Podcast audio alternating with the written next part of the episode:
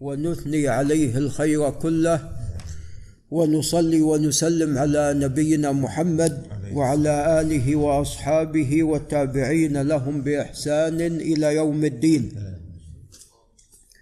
أما بعد فقال مجد الدين أبو البركات عبد السلام بن عبد الله المعروف بن تيمية الحراني. رحمه الله تعالى قال في كتابه المنتقى من أحاديث الأحكام. كتاب اللباس. لا زال المصنف يبين الأحكام المتعلقة باللباس وقد بين الأحكام المتعلقة باللباس في الصلاة ثم جاء إلى ما هو أعم.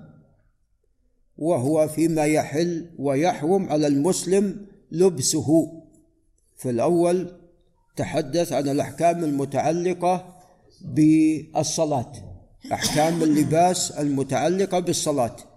الآن يأتي على ما يتعلق باللباس من حيث الحل والحرمة من حيث العموم وليس مختصا بالصلاة. فقال باب تحريم لبس الحرير والذهب على الرجال دون النساء. فالذهب والحرير محرمان على الرجال دون النساء. الرجال يحرم عليهم أن يلبسوا الحرير أو الذهب. وأما النساء فمباح لهن ذلك. قال عن عمر رضي الله تعالى عنه قال سمعت النبي صلى الله عليه وسلم يقول لا تلبسوا الحرير. فإنه من لبسه في الدنيا لم يلبسه في الآخرة.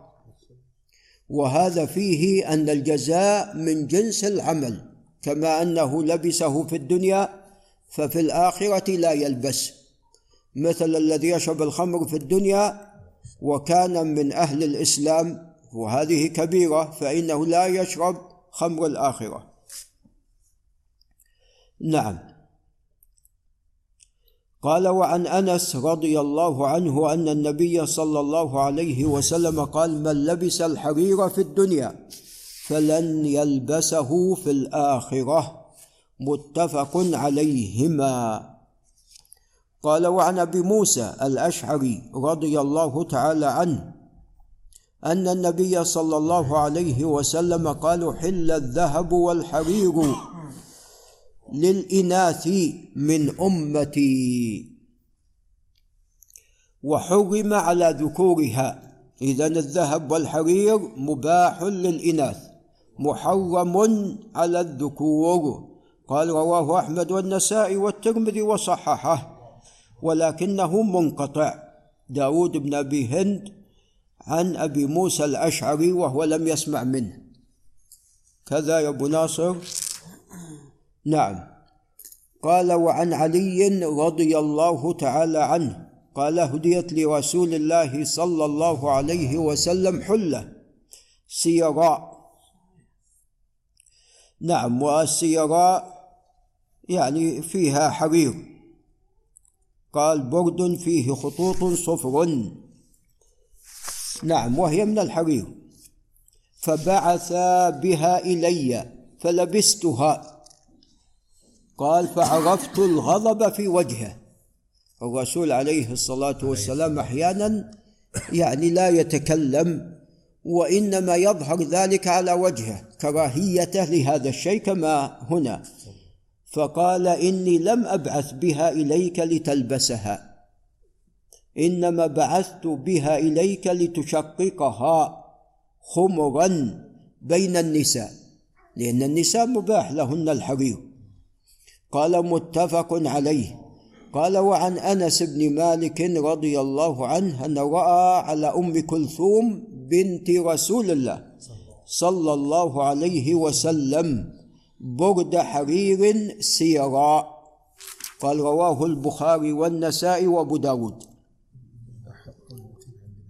كيف؟ عندنا بردة حلتين سيارة لا بردة حرير. نعم. ف أم كلثوم بنت رسول الله عليه الصلاة والسلام رأى أنس عليها هذا البرد وكان أنس صغير وأم كلثوم توفيت في عهد رسول الله عليه الصلاة والسلام. وتعلمون أن كل بناته عليه الصلاة والسلام توفوا في حياته ما عدا فاطمة. قال باب في أن افتراش الحرير كلبسه. يعني لبس الحرير ليس ممنوعا فقط أن الإنسان يضعه على جسده وإنما حتى لو جلس عليه. هذا يعتبر لبس. الجلوس يعتبر لبس. قال عن حذيفة بن اليمان العبسي رضي الله عنه قال نهانا النبي صلى الله عليه وسلم أن نشرب في آنية الذهب والفضة وأن نأكل فيها. إذا آنية الذهب والفضة لا يجوز الأكل والشرب فيهما وقد تقدم ذلك. وعن لبس الحرير والديباج هذا للرجال.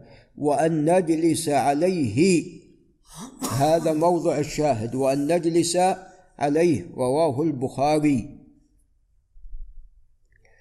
قال وعن علي رضي الله تعالى عنه قال نهاني رسول الله صلى الله عليه وسلم عن الجلوس على المياثر. قال والمياثر قسي أو قسي عليكم السلام.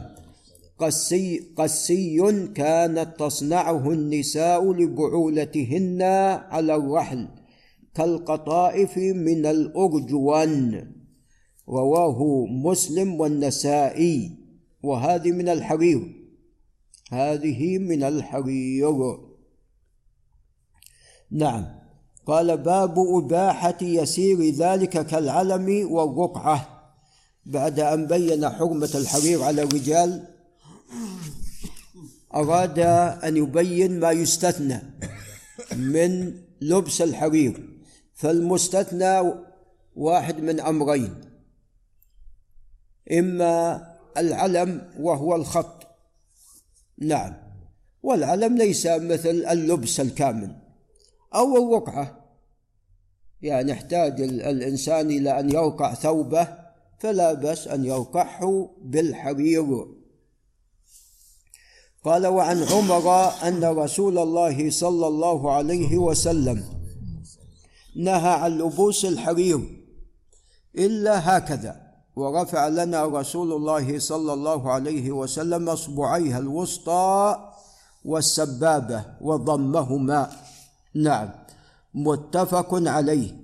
قال وفي لفظ نهى عن لبس الحرير إلا موضع أصبعين أو ثلاثة أو أربعة. رواه الجماعة إلا البخاري وزاد فيه أحمد وأبو داود وأشار بكفه. إذا المستثنى شيء يسير. نعم. قال وعن أسماء بنت أبي بكر رضي الله عنها وعن أبيها أنها أخرجت جبة طيالسة عليها لبنة شبر من ديباج كسرواني وفرجيها مكفوفين به. لبنة شبر من ديباج. فهذا من الثوب جزء من الثوب. الثوب ليس من الحرير لكن هل جزء من الحرير؟ قال وفرجيها مكفوفين به فقالت هذه جبة رسول الله صلى الله عليه وسلم. كان يلبسها كانت عند عائشة. رضي الله عنها وعن أبيها. فلما قبضت عائشة قبضتها قبضتها إلي. فنحن نغسلها للمريض يستشفى بها. لأنه لأنها لامست جسد رسول الله صلى الله عليه وسلم. والتبرك به مشروع عليه الصلاة والسلام أو بثيابه أو ببصاقه عليه الصلاة والسلام أو الماء المتساقط من أعضائه وهذا خاص به دون غيره. ولذا لم يفعل هذا التابعون مع أبي بكر مثلا أو عمر أو عثمان أو علي. قال رواه أحمد ومسلم ولم يذكر لفظة الشبر. قال وعن معاوية رضي الله عنهما قال نهى رسول الله صلى الله عليه وسلم عن ركوب النمار. النمار جلود النمور وهذه لا تجوز هذه تبعث على الخيلاء وعن لبس الذهب إلا مقطعا. قال رواه أحمد وأبو داود والنسائي. نعم. فهذا أولا من حيث الإسناد منقطع كما بين أبو داود. أعله أبو داود بالانقطاع وأنكره الذهبي في في إسناده من ليس بالمشهور وخاصة وعن لبس الذهب إلا مقطعا. هذا للنساء والنساء مباح لهن الذهب عموما مقطع ولا غير مقطع؟ فهذا الخبر لا يصح. نعم والمرأة تحتاج إلى التجمل فأبيح لها الذهب والحرير بخلاف الرجال فإنه لا يليق بهم أن يلبسوا الذهب والحرير. وأما المرأة فتحتاج إلى التزين. قال لبنة اللبن الجيب روي بكسر اللام وسكون الموحدة بعدها بعدها نون. وقعة في جيب القميص في طرفه.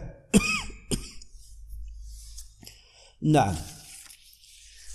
قال باب لبس الحرير للمرض. الحرير لا يجوز إلا عند المرض للحاجة. إذا كان في الجسم حكة فالحرير ناعم يذهب الحكة. بخلاف ثيابهم كانت خشنة فقد تثير الحكة عن أنس رضي الله عنه أن النبي صلى الله عليه وسلم رخص لعبد الرحمن بن عوف والزبير في لبس الحرير لحكة كانت بهما. إذا هذا هذه الرخصة من أجل الحكة. رواه الجماعة إلا أن لفظ الترمذي أن عبد الرحمن ابن عوف والزبير والزبير شكوا إلى النبي صلى الله عليه وسلم القمل فرخص لهما في قمص الحرير في غزاة لهما. نعم ولعل نقف عند هنا.